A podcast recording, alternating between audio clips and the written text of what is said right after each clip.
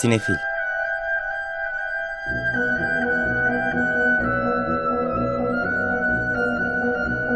Hazırlayan ve sunanlar Melis Behlil ve Yeşim Burul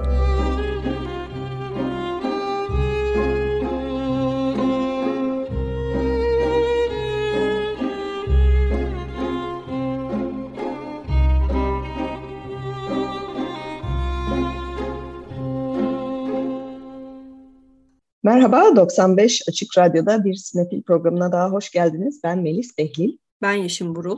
Senenin son programında karşınızdayız. Ee, çeşitli gösterim haberleri, tabii ki yıl sonu değerlendirmesi, e, ilk 10 listelerimiz ile bugün e, genel bir 2022 değerlendirmesi ağırlıklı bir programımız var.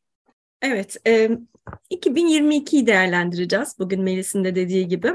Çünkü zaten pek vizyonda da bir şey yok bu hafta. Onu söyleyerek başlayabiliriz aslında.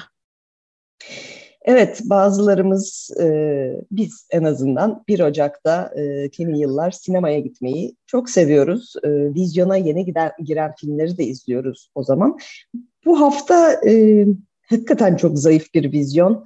Bir Jennifer Lopez komedisi, bir Christina Ricci'li korku filmi, üç tane çok parlak olmayan yerli film ve bir Brezilya animasyonu var. E, o yüzden onların fazla detayına girmeyeceğiz. Çünkü başka alternatifler var. Evet, e, başka alternatiflerden ilk başkası başka sinemanın 1 Ocak e, gösterimi artık bir yeni yıl geleneği haline gelmiş olan. E, bu sefer de 1 Ocak 2023 itibariyle yepyeni 4 film sunuyorlar bize. Evet, e, başka 1 Ocak programında e, filmlerden ilki Lucas Daunt'un bu sene Cannes'da büyük ödülü alan, Belçika'nın Oscar e, adayı olan Yakın, Close bir e, ergenlik hikayesi. E, çok dokunaklı bir film ama çok da iyi bir film. E, yıla iyi bir filmle başlamak isteyenlere bu dördünden benim e, favorim. Hepsini görmedim aslında ama e, onu tavsiye ediyoruz. E, diğerlerinde ise e, İtalya'dan Limensita var. Uçsuz bucaksız Penelope Cruz'un e, başrolde oynadığı film. Biraz da otobiyografik e, ögeler taşıyan bir film. E, 1970'ler Roma'sında geçen bir hikaye. Bir diğeri ise e, o da bu sene Venedik'te yarışan e, Sundance Film Festivali'nde de Spotlight e, bölümünde yer alıyordu Uçsuz Bucaksız Melis'in söylediği. E, İO, İO bu sene e, Türkçe'ye AI diye çevriliyor çünkü e, ana kahramanı eşek olan bir film. E, Bresson'un artık e, klasikleşmiş e, Baltazar'ından sonra e, yine bir eşek bu sefer insanlığın e, durumuna tanıklık etmek üzere bizi e, bir e, yolculuğa çıkartıyor. Bu da Polonya'nın Oscar aday adayı. E, e, bu şeyi de aldı. Avrupa Üniversite Film Ödüllerinden bazen bahsediyoruz. E, biz de Türkiye seçkisini yapıyoruz onun e, Kadir Has Üniversitesi'nde. E, geçen ay Avrupa Film Ödülleri'nde öğrencilerin seçtiği filme ödül verildi ve de o film iyi oldu. Evet, Skolimowski'nin son filmi. E, son film ise Romanya'dan geliyor.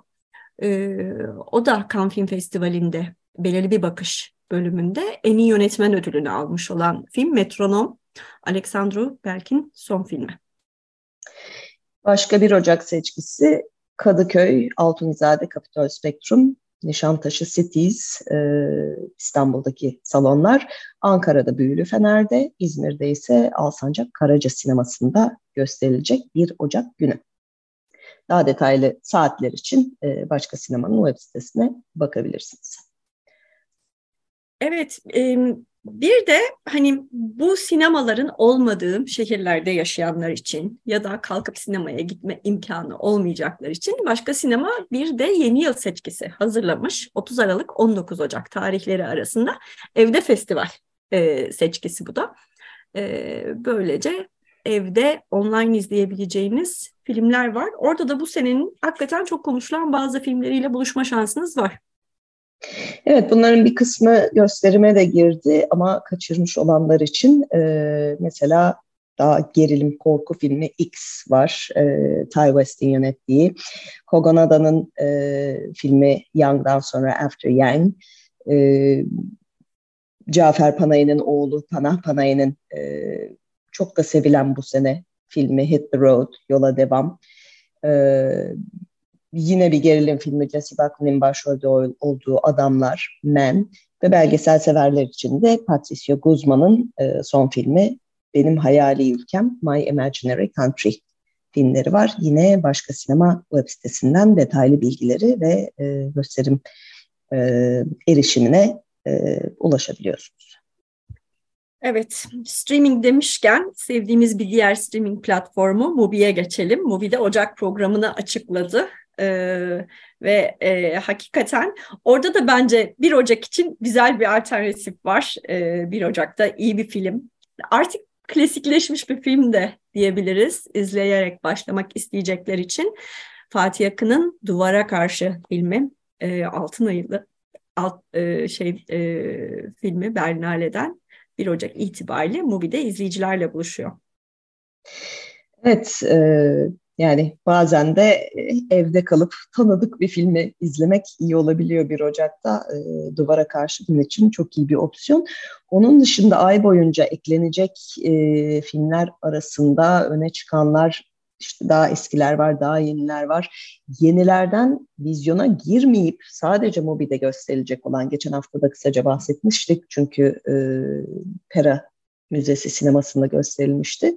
Bu senenin en çok konuşulan filmlerinden After Sun, Güneş Sonrası 6 Ocak'tan itibaren Mubi'de olacak. E, onu tekrar hatırlatalım. Evet, After Sun'a e, birazdan daha da uzun uzun konuşmak istiyoruz aslında. Çünkü yılın en beğendiğimiz e, filmlerinden oluşan listelerimize geçtiğimizde ikimizin de listesinde var bildiğim kadarıyla. Evet, e, biz de Pera Müzesi'nde görme şansı edindik. Yine vizyona girmeyeceğini tahmin ettiğimiz ve Mubi'de başlayacak olan bir de yerli yapım var. Ay sonuna doğru onu tekrar hatırlatırız. 28 Ocak'ta Birlikte Öleceğiz e, gösterime girecek. E, bu sene İstanbul Film Festivali'nde gösterilmişti. Hakkı Kurtuluş ve Melik Saraçoğlu'nun e, beraber yönettikleri. Onlar zaten genelde ekip olarak çalışıyorlar. E, onların son kurmaca filmleri de e, Mubi'de olacak Ocak ayı programı içinde. Daha klasiklere bakacak olursak da belki daha önce kaçırmış olabileceğiniz e, yakın zamanda veya daha eski yine Fatih Akın'dan kısa ve acısız e, Ocak programında var. E, daha korku sevenlere Hereditary geliyor e, Mubi'ye e, yeni Türkiye sinemasından Nefesim Kesilene kadar 21 Ocak'tan itibaren gösterilecek.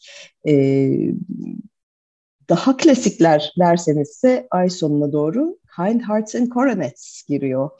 E, eski İngiliz komedilerini sevenler için, Alec Guinness hayranları için o da e, ay sonuna doğru Mubi'de olacak.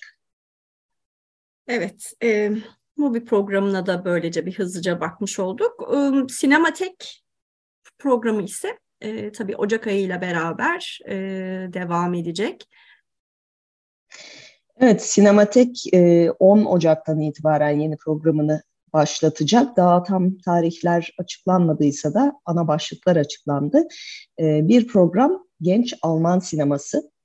1960'ta 62'deki Oberhausen manifestosuyla başlayan Oberhausen'daki kısa film festivalinde e, genç sinemacıların yazdığı manifestoyla başlayan bu e, papaz kino, babamızın sineması dedikleri e, sinemayı öldürüp yeni bir sinema yapmak isteyen gençler ki e, Kluge, Fassbinder, Herzog, Wenders e, gibi isimler tabii çok tanıdık hepsi e, Sinematek'in önümüzdeki aylardaki ana programı. Evet o program 10 Ocak itibariyle başlıyor Salı günü. E, sonbaharda Almanya Deutschland im Herbst gösterimiyle. Önümüzdeki hafta onu tekrar detaylı olarak konuşuruz programı. Ayrıca 80'ler Türkiye sinemasında kadın e, başlığı var ki orada tabii Ah Belinda, e, Asiye Nasıl Kurtulur, Benim Sinemalarım, Teyzem yani e, hakikaten Kırık bir aşk hikayesi. Evet, e, en iyi filmlerinin bazıları aslında bu gruba evet. giriyor. E, onlar gösterilecek. Sessiz Perşembeler devam edecek. E, canlandırma e, programı olacak. Bir de yine devam eden bu hafta sonları pazar günleri saat 2 seansında ekip katılımıyla gerçekleştirilen e, bir yerli film gösterimi de Ocak programından itibaren o da sürüyor olacak. Evet, yani aslında sinema severler için oldukça doyurucu bir Ocak ayı. Yani 2023'e güzel başlayacağız diyebiliriz. Ee, böylece de yavaş yavaş aslında yılı değerlendirmeye de geçelim istiyoruz. Sence 2022 yılı nasıl geçti Melis? İlk sence sinema açısından bakacak olursak?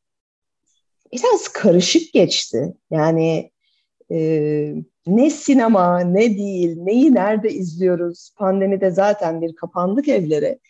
Sonrasında da ortalık karıştı çünkü hani Tamam sinemalar açıldı, sinemalara döndük. Ama bazı şimdi de söylediğimiz gibi çok beklediğimiz filmler, e, After Sun bunlardan biri, Decision to Leave yine Mubi'de gösterilmeye başlanan filmlerden.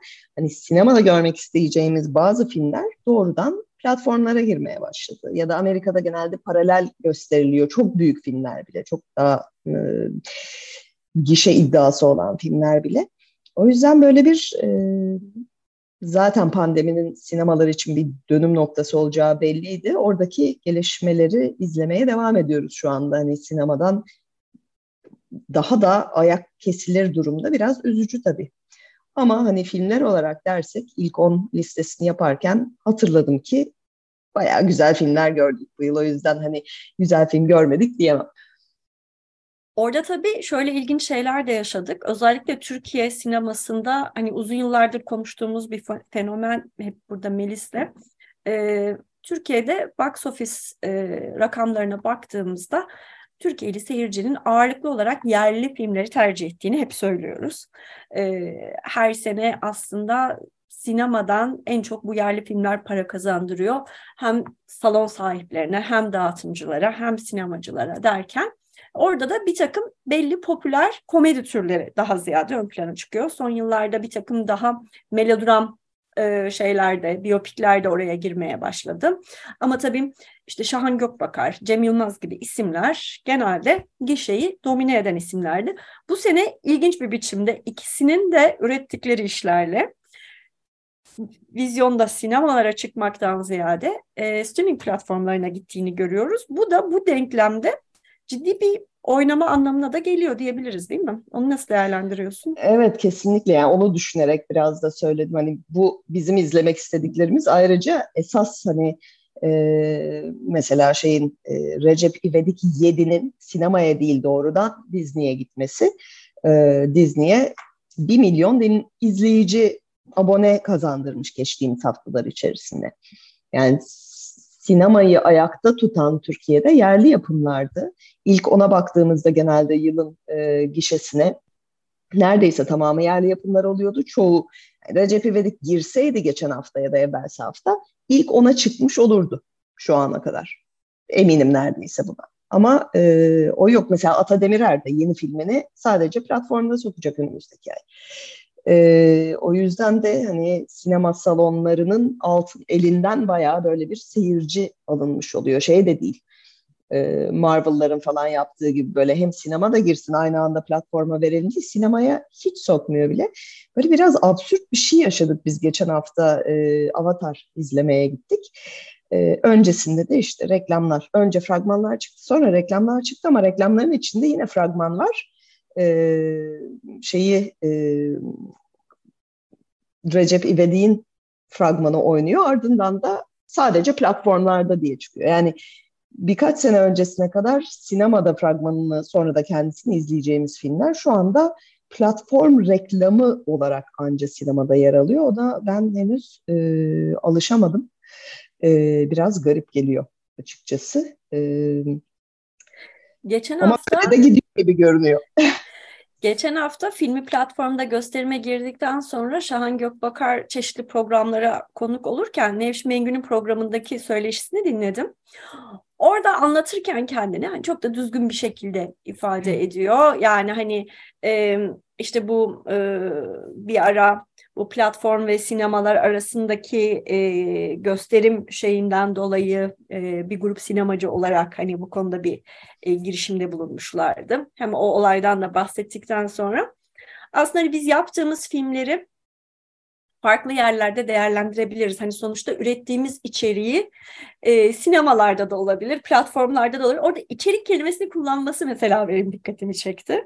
E, hani sinema değil, e, hani biz bir içerik üretiyoruz. Bunun gösterim yeri sinema perdeleri de olabilir, platformların streaming e, servisleri de olabilir gibi o bakış açısı bu artık hani üretilen her türlü yaratıcı içeriğin e, e, bu şekilde tanımlanması da oyunun kurallarının e, en azından sektörün büyük oyuncuları gözünde biraz değiştiğini de gösteriyor bana. Hani o eskisi gibi film yapalım, sinema yapalım şeyinden ziyade içerik üretelime geçiş. Yani bir yandan Recep İvedik özelinde Recep İvedik zaten YouTube'dan çıkmış bir karakter. O yüzden aslında aslına rücu etti de diyebiliriz ama e, başka örnekler için de bu geçerli. Yine de ilk ona baktığımızda e, yerli filmler var. İlk ikide yerli filmler var. Toplamda dört yerli film yer alıyor. E, bu sene en çok gişe yapan ilk on e, filmde Türkiye'de. E, onları da kısaca konuşalım. E, yerlileri söyleyelim önce. Bir numarada Bergen zaten açık arayla. İki numarada Kesişme İlki Varsın Eren.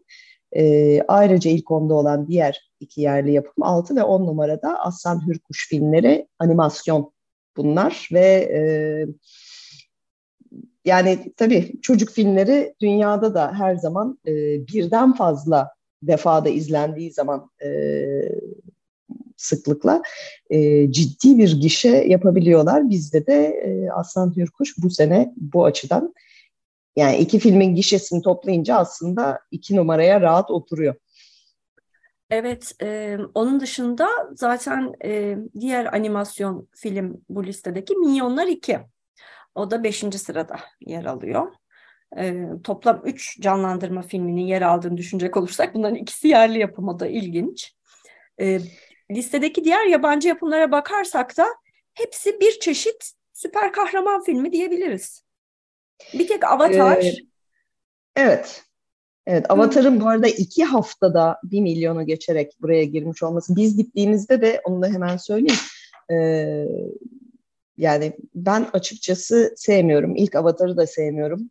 Ee, bu avatarları da sevmedim ama o yarattığı dünya hakikaten görselliği çok etkileyici. Hani bu 10 dakikalık bir VR sanal gerçeklik deneyimiyle aktarılamaz mıydı? Bence yeterdi. Çok da güzel olurdu. Onun yerine 3,5 saat olamayan bir hikayeyi e, dayatıyor olması biraz yorucu buluyorum. Ama saat sabah 10'da IMAX'e gittiğimizde salonun yarısı doluydu. Yani kocaman salon, e, biletler bir hayli pahalı ve sabah 10 daha sinemanın olduğu alışveriş merkezi daha şey alıyordu. Yani sadece çalışanları çalışma kartıyla arıyordu, alıyordu içeri. Bir de ama biz sinemaya geldik dediğimiz zaman ha siz de girebilirsiniz deyip biz de aldılar. Yani sabahın köründe insanlar kalkıp gelmişti. Ee, yani hala beni hayrete düşürüyor her filmiyle e, James Cameron. Böyle her şeyin sanki rulette şey ortaya atıyor. Titanic'te de bu oldu, Abyss'te de oldu, ilk Avatar'da da oldu. Korkunç pahalı filmler yapıyor. E bence çok iyi filmler de yapmıyor ama çok etkileyici işte efekt kullanımı vesaireyle bir şekilde bu seyirciyi topluyor yine. Yani dünya çapında da 800 milyon dolara geçti galiba şu an. Yani tabii insan diliyor ki bu kadar para harcanmışken hikaye de doğru düzgün olsa, diyaloglar da doğru düzgün olsa, hani seyirciyi böyle angaje edecek bir yapısı olsa. Ama zannediyorum bu kadar e, para kazandıktan ve bu kadar başarılı olduktan sonra herhalde öyle bir kibir geliyor insana. Onun da en iyisini ben bilirim. Başkasına sormam diye. Yani ya da tam tersi herkese uysun, iyice şey olsun, kimseyi yabancılaştırmasın diye o kadar orta yol bir şey bulunuyor ki hiçbir anlamı kalmıyor. Ee, jenerikte özellikle baktım, hikayenin altında beş isim, senaryonun altında üç isim falan vardı. Hani öyle James Cameron'ın sadece elinden çıkmış bir şey dedi. Bu işte yani sonuçta klasik e, büyük bütçeli filmlerin mantığı. Büyük para yatırıyorsan mümkün olduğunca çok seyirci çekmek istiyorsun. O zaman da her şeyi böyle bir daha iddialı Ama daha doğrusu orada şey olarak- şöyle bir itirazım olacak. Listedeki diğer filmlere bakalım. Doctor Strange, Çoklu Evren ya da Thor. Çok daha iyi hikayeler, Evet. çok daha iyi Evet. senaryolar. Evet. Onlar da çok büyük e, aslında franchise filmler. Doğru. Ee, Marvel dünyası bu sene Türkiye'de sevildi. Ee, üç numarada Doctor Strange, dört numarada Thor, e, dokuz numarada Örümcek Adam halinde. Buna karşılık sekiz numarada da The Batman var. İlk onumuz ülkece böyle. Dediğim gibi yani e, Recep İvedik 7 doğrudan platforma değil sinemalara gitseydi bence rahatlıkla e, bu şeye girerdi. İlk ona girerdi iki haftada bile. Dünyadaki gişeye baktığınızdaysa e, Amerika ağırlıklı olarak e, Maverick, Top Gun, yeni Top Gun e, bir numaraya oturdu. Bizde de fena iş yapmadı ama ilk ona giremedi. Evet ki o da benzer bir şekilde çok para harcayan bir dehanın filmi diyebiliriz. Orada da bir Tom Cruise fenomeni var. Evet, yapımcı olarak e, çünkü hani filmin evet bir yönetmeni var ama dediğin gibi o filme damgayı vuran esas Tom Cruise. Evet. Evet, gişeler böyle platform sinema e, şeyi de devam ediyor. E, itişmesi diyelim. E, dizilerden çok kısa bahsedecek olursak Severance'ı ben burada bir anmak istiyorum. Yılın yeni dizilerinden benim favorim. E, bir bilim kurgu e, çok da daha önce bir kere konuştuk bir iki defa.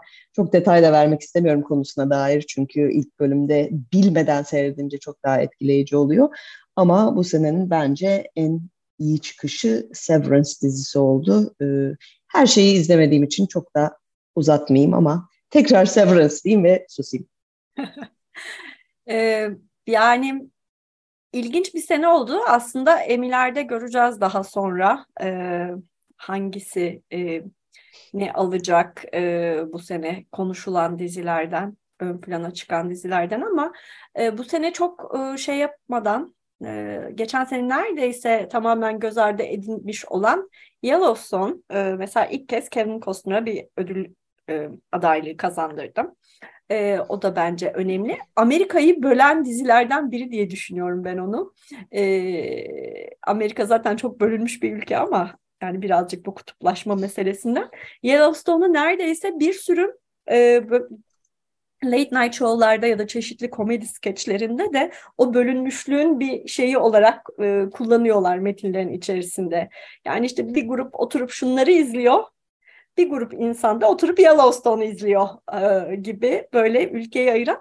Ben orada biraz haksızlık edildiğini de düşünüyorum. E, çünkü Yellowstone tabii ki Succession gibi olmasa da yine de Amerika'da bugün çok ya da bütün dünyayı temelden ilgilendiren toprak hakları, azınlıklar, yerli halklar, global sermayenin dönüştürdüğü yerel hayatlar üzerine de çok keskin gözlemleri olan bir şey yapım. Üçüncü sezonu başladı yeni. Şu an devam ediyor. Bizde de gösteriliyor ama göreceğiz bakalım bu, bu sezonda o kadar beğenilecek mi? Bu sene beni şaşırtıcı biçimde yani güzel bir şekilde şaşırtan bir diğer dizi de Andor oldu. Aslında ondan da bahsetmek istiyorum. Ee, Star Wars dünyasından çıkmış bence en iyi dizi şu anda. Yani Mandalorian'ı da çok seviyorum. Onun yeri ayrı. Ama e, Andor'da başka çeşit bir olgunluk var. Ta direnişin ilk başına gidiyor aslında. Direnişin e, ilk ortaya çıkışını ele alıyor. E, o yüzden bu sene pek çok insanın da listesinde gördüm. Andor'u Yani almak daha, isterim. Daha izleyemedim maalesef. Ee, o da listemde. Bir de e, yani belki de e, yine Amerika üzerinde düşünecek olursak e, Amerika'nın nabzını siyaseten de en doğru tutan dizinin The Good Fight olduğunu düşünüyorum. Son sezonuyla e, yine çok çok iyi. E, her bölümü ayrı e, keyifliydi. E, hiç izlememiş olanlara yine çok tavsiye etmek istiyorum. Benim o kadar beğenmediğim ama bu sene çok beğenilenlerden bir tanesi The Bear dizisi oldu. Bu yine mutfakta geçen e, şeflerin e, hikayesi. Bu mutfak hikayesi hem sinemada da bu sene çok sık karşımıza çıktı. En son The Menu'yu izledik. E, ama e, hayat mutfağa benzer gibi mi e, böyle bir o şeyleri yapıyorlar? O açıdan benim geçen sene beğendiğim başka bir film var. The Boiling Point diye. Boiling Point. Stephen Graham başrolünde olduğu bir İngiliz yapımı. Ee, çok çok iyi. Ee, yani menüyü sevenler bir de Boiling Point'i izlesinler diye öneririm özellikle. Ee, İngiliz dokunuşuyla hakikaten çok da iyi bir oyunculuk sergiliyor Graham orada. Evet, e, o zaman yavaş yavaş değerlendirmeyi toparlayıp ilk onumuza gelelim ikimiz de. E, tabii ilk onda e, hep şöyle bir sorun oluyor. Hangi filmi hangi seneye katacağız? Aslında geçen sene çıkmış ama biz bu sene görmüşüz. Bu sene gösterime girmiş ama biz geçen sene bir festivalde seyretmişiz falan gibi. Biz Sinefil'de her sene yaptığımız gibi bu sene ne gördüysek onun üzerinden değerlendiriyoruz. O yüzden bir kısmı biraz aslında eskiden kalma filmler olabilir. Bir kısmı daha belki tam gelmemiş filmler olabilir. Ee, ilk onumuzu çıkardık. Ee, ilk onumuza tabii giremeyen ama yine de çok sevdiğimiz başka filmler de var. Onları kısaca bir ondan bire doğru sayalım belki. Benim on numaramda Hit the Road var. Ee, Panah Panayi'nin e, ilk uzun metrajlı filmi bu sene Cannes'da yaptı açılışını. Cafer Panayi'nin ünlü İranlı yönetmenin oğlu. Ee, çok fazla bir şey bilmeden hakkında izlemiştim filmi. Taze taze ve çok etkileyiciydi gerçekten. Ee, bir biraz bir gurbete çıkma hikayesi ama aynı zamanda bir aile hikayesi ve bir taraftan e, İran'ın insanları gitmeye, nefes alabilmek için, kendini ifade edebilmek için gençlerin yurt dışına çıkma e, arzusunu bir şekilde dile getiren bir film olduğu için bence bizim de de çok e, şey yapan, e, bizde de yankısını bulan bir film oldu. E, ama bütün bunlara rağmen e, çok eğlenceli bir tarafı da var. Oyunculuklar çok çok iyi. Victor Roth bu senenin hakikaten uyuyan sürprizi oldu diyebiliriz herkes açısından. Bende de 10. sırada. Benim 10 numarada bir belgeselim var. E, Eat Your Catfish.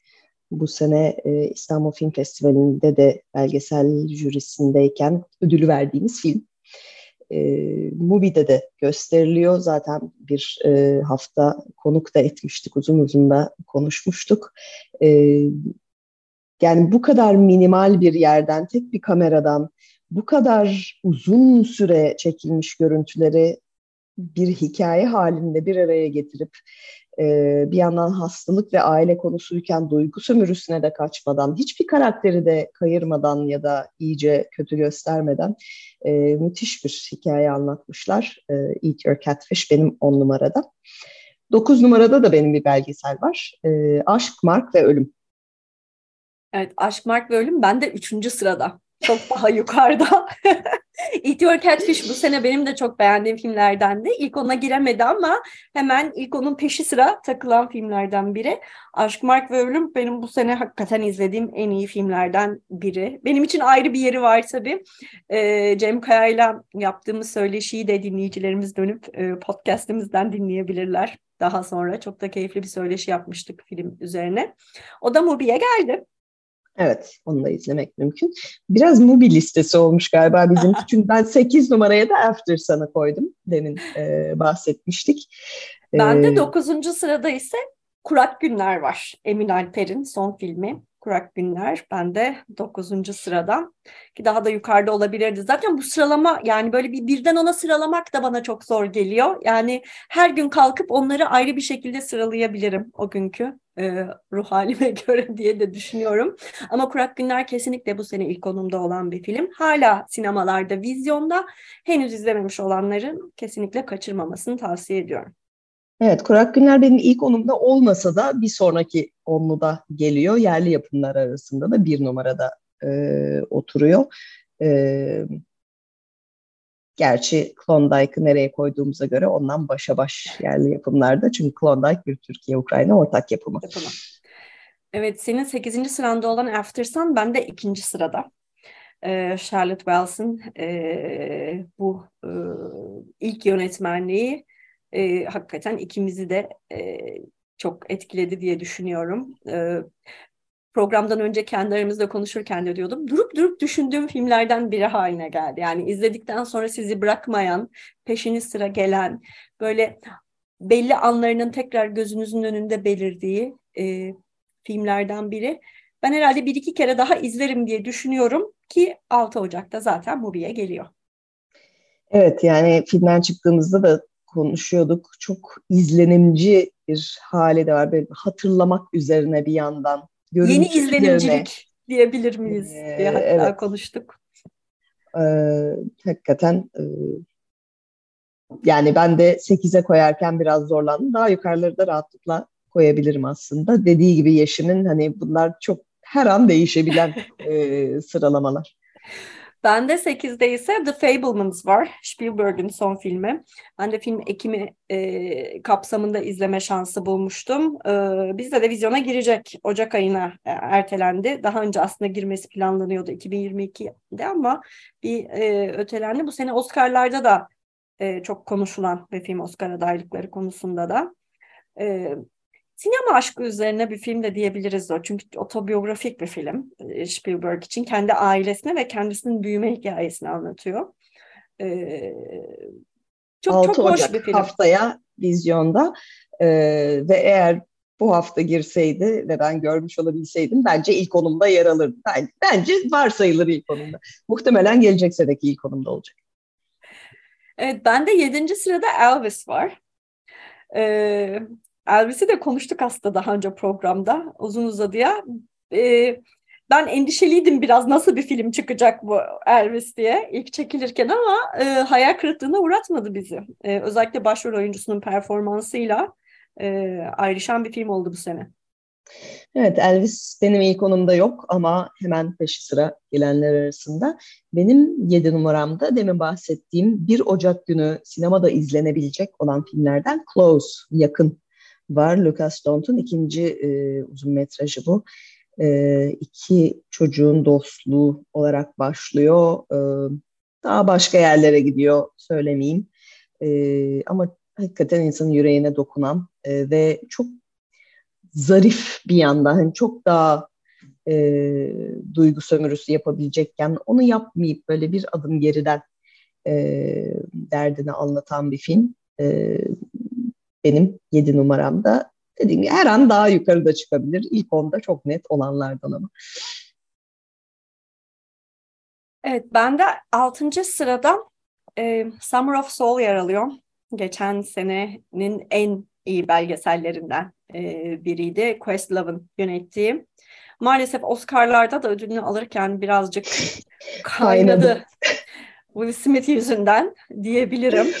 Ama Summer of Soul hakikaten çok çok iyi bir belgesel. Ee, özellikle ben hani müzik belgesellerine de, müzik filmlerine de ayrı bir sevgim ve ilgim olduğu için birazcık listem de bunu yansıtıyor diyebilirim. Evet, müzik filmleri Elvis'te başladı. Summer of Soul'la devam ediyor benim listemde yukarıya doğru. Evet, e, kaynadı derken e, izlemeyenler için hatırlatalım. O meşhur tokat anı bu senenin sinema dünyasının en çok konuşulan ve en lüzumsuz hareketlerinden biri. E, tam da belgesel ödülü verileceği sırada gerçekleşti. O yüzden hani o arada kim ne ne oldu ne ödül ne film derken e, o iş biraz e, karıştı. Benim altı numaramda da bir e, belgesel var. Ben e, Summer of Soul'u hala görmediğim için listemde yok. E, bende de The Eclipse adlı Norveç yapımı ama bir Yugoslav hikayesi var. E, filmin yönetmeninin kendi çocukluğundan, gençliğinden başlayarak kendi ailesiyle konuşarak, e, kendi komşularıyla tekrar buluşarak ki o komşuların bir kısmı e, Hırvat, bir kısmının ailesi e, savaşın içinde yer almış. E, nasıl Belgrad'da ülkenin geri kalanında olan her şeyden soyutlanmış bir şekilde neredeyse yokmuş gibi, neredeyse farkında değilmiş gibi e, yaşadıkları ve bunu e, bununla aslında hala tam da yüzleşmediklerini de ele alan özellikle babasıyla e, konuştuğu bölümler çok etkileyici. E, bunu da e, 60'larda ve 90'larda gerçekleşen iki e, ay tutulmasının arasına yerleştiren, e, pardon güneş tutulmasının e, ve biraz da aslında bir bütün bir ülkenin zihin tutulmasını da anlatan çok etkileyici bir belgesel. E, ben bunu e, bir festivalde izlemiştim. Umarım bizde de izleme şansı olur, e, platformlara gelebilir. Evet, ben de beşinci sırada Paul Thomas Anderson'ın son filmi Licorice Pizza yer alıyor. Ee, Paul Thomas Anderson benim en sevdiğim yönetmenlerden biri. Licorice Pizza en sevdiğim filmlerinden değil. Yani çok daha favorilerim var ama buna da, buna rağmen yine de e, hikayesiyle, anlatımıyla e, kalbimi çalan filmlerden biri oldu 2022 yılında. Evet, benim de ilk onda değil, 20'ye girer e, Licorice Pizza. Benim 5 numaramda The Lost Daughter var. E, geçtiğimiz sene değil de aslında daha önceki seneden kalma ama ben anca görebilmiştim. Benim ilk beşimde evet, benim geçen öyle seneki listemdeydi. Filmlerden var. E, The Lost Daughter. E, ilk izlediğimde aslında o kadar da yer etmeyip tekrar bir şey için görmem gerekti ve böyle bir dakika ya ben bu filmi yeterince değerini bilmemişim diyerek e, izledikçe böyle bir yer etti bende. E, dört numaradaysa Nitram var bende. E, bu da bir Avustralya filmi. E, festivalde izlemiştik eşimle beraber. E, gerçek bir hikayeyi anlatan Tan, e, Tasmanya'daki e, bir katliamı ve öncesini anlatan, onu e, katliamı gerçekleştiren adamın öyküsü bir yerde ama onu haklı çıkarmadan ya da vahşeti bir şekilde e, göstermeden hatta e, yine de müthiş bir gerilim yaratan, inanılmaz bir başrol performansı barındıran e, benim dört numarada Nitram. Nitram benim de ikinci onumda yer alıyor. Hakikaten bu senenin en etkileyici filmlerinden biriydim. Ben de dördüncü sırada Moon Age Daydream yer alıyor. Bu da e, David Bowie belgeseli. Brett Morgan'ın yazdığı ve yönettiği. E, hem bir belgesel olarak hem bir müzik filmi olarak çok çok başarılı. David Bowie çok sıra dışı bir sanatçı. E, ve onu hakikaten sinema için yakalamak, e, yakalamaktan kastım o nasıl çevireceğimi bilemediğim kelimelerden biri o capture etme, hani yansıtma, seyirciye iletme, onun etrafında onun bütün hayatıyla ve performanslarıyla e, dünyasına bakmamızı sağlayacak e, hakikaten hayal gibi bir film yaratmış. E, özellikle Bowie sevenlerin kaçırmaması gereken müzik belgeseli sevenlerin, belgesel sevenlerin de çok e, beğeneceklerini düşündüğüm bir film. Moon Age Daydream bende dördüncü sırada. Üçüncü sıramda biraz önce konuştuğumuz Aşk, Mark ve Ölüm vardı benim zaten. Benim üç numaramda Tek Tek Boom var ki e, bu sanırım Yeşim'in geçen seneki listesindeydi. Evet. E, müzikal zaten ikimiz de seviyoruz. Modern müzikal iyisini bulmak her zaman kolay olmuyor. E, şarkıları da ikimizin de e, playlistlerinde bütün yıl boyunca çaldı Tik Tik Boom'u ve Andrew Garfield'ın performansını da burada tekrar anmış olalım. Ve Lin-Manuel Miranda'nın da yönetmen olarak performansını anmış olalım bence. Çok iyi bir yönetmenliği var o filmin. E, Lin-Manuel Miranda'yı biz Hamilton müzikaliyle çok duyduk. In the Heights e, başkası tarafından uyarlandı onun orijinal e, şeyi. E, Tik Tik Boom ilk yönetmenliği e, çok çok başarılıydı. E, geçen sene izlemiştim ben ama bu sene tekrar hatırlamakta fayda var. Netflix'te yanılmıyorsam hala izlenebilir. Evet. Ee, benim iki numaramda yine bir sene önceden kalma bir film var. Ee, ama bu sene Oscar'larda da tabii çok adı geçti. Jane Campion'a bir Oscar getirdi. Power of the Dog. Ve beni herhalde en üzen şeylerden biri bu sene bu yine platform ve sinema şeyine döneceğim. Ee, Netflix'te girdi, vizyona girmediği için küçük ekranda seyretmek zorunda kalmak e, beni hayli mutsuz etti. E, çünkü beyaz perdeyi çok hak eden filmlerden. Yine de hani evde izlememe rağmen, televizyonda izlememe rağmen e, iki numarama oturdu Power of the Dog. Evet, benim de geçen seneki en iyi filmler sıralamamda tepede yer alan filmlerden biriydi Power of the Dog. Ee, benim ikinci sıramda After Sun var. Biraz önce konuştuğumuz üzere. Ve geldik bir numaramıza. Ve de ortak bir numaramıza. evet. Bu listede şimdiye kadar söylemediğimiz zaten bu sene çok konuşulan bir tane film var. O da Everything, Everywhere, All at Once. Evet, Daniel'ların bu çılgın filmi yani her şeyin ötesinde öyle bir şey görmediğimiz için hani hem fantastik hem multiverse'lü ama hem aile hikayesi hem her türlü hem barındırıyor. Ee, performanslarıyla her şeyiyle biraz uzun mu? Uzun. Biraz kısalabilir miydi? Kısalabilirdi. Ama böyle bir çılgınlığı denemeleri bile o kadar heyecan verici bir şey ki bence. Ee, rahatlıkla bir numarama oturtuyorum bu sene. Evet, her şey, her yerde, her zaman, pardon aynı anda e, diye e, çevrildi bize de. E, hakikaten Melis'in tarif ettiği gibi hem güldük hem eğlendik. Ben hem ağladım da yani. Çok katartik bir taraf olduğunu Kesinlikle. düşünüyorum. Ee, aslında aile üzerine, büyümek üzerine e, o kadar etkileyici bir film ki e, ve bunu bu formatta çekmeyi, yazmayı tahayyül edip bunu gerçekleştirmiş olmaları bile başlı başına bir mucize gibi geliyor bir taraftan. Bir daha kolay kolay böyle bir şey izleyemezmişiz gibime de geliyor. O hem yönetmenleri cesaretti hem de bu filmin e, yapılabileceğine inanan e, ve buna para yatıran tüm yapımcıları da takdir ediyorum tekrar. Daha çok böyle filmler yapsınlar, daha böyle cesaret göstersinler keşke. Çünkü maalesef streaming platformlarıyla beraber başımıza gelen şeylerden bir kısmı da çok birbirine benzer şeyler de yapılmaya başlanıyor. E, bazı yönetmenlerin kendilerini açtıkları ayrı bir alan var işte. E, ama onlar muhtemelen filmlerini kendileri önce yapıyorlar sonra platformlar satın alıyor diye düşünüyorum. E, şeyde olduğu gibi Roma ya da Power of the Dog'da falan olduğu gibi. E, ama çünkü kendileri bir şeyler yaptırdıkları zaman daha orta yolcu oluyorlar biraz. Özellikle burada Netflix belgeselleri diye bir tür çıktığını ve e, bizi bir hayli mutsuz ettiğini de anmak istiyorum. Çok standart bir e, anlatısı olan, e, zaten belli konulara bakan, onları da çok belli şekillerde ele alan e, belgeseller bunlar.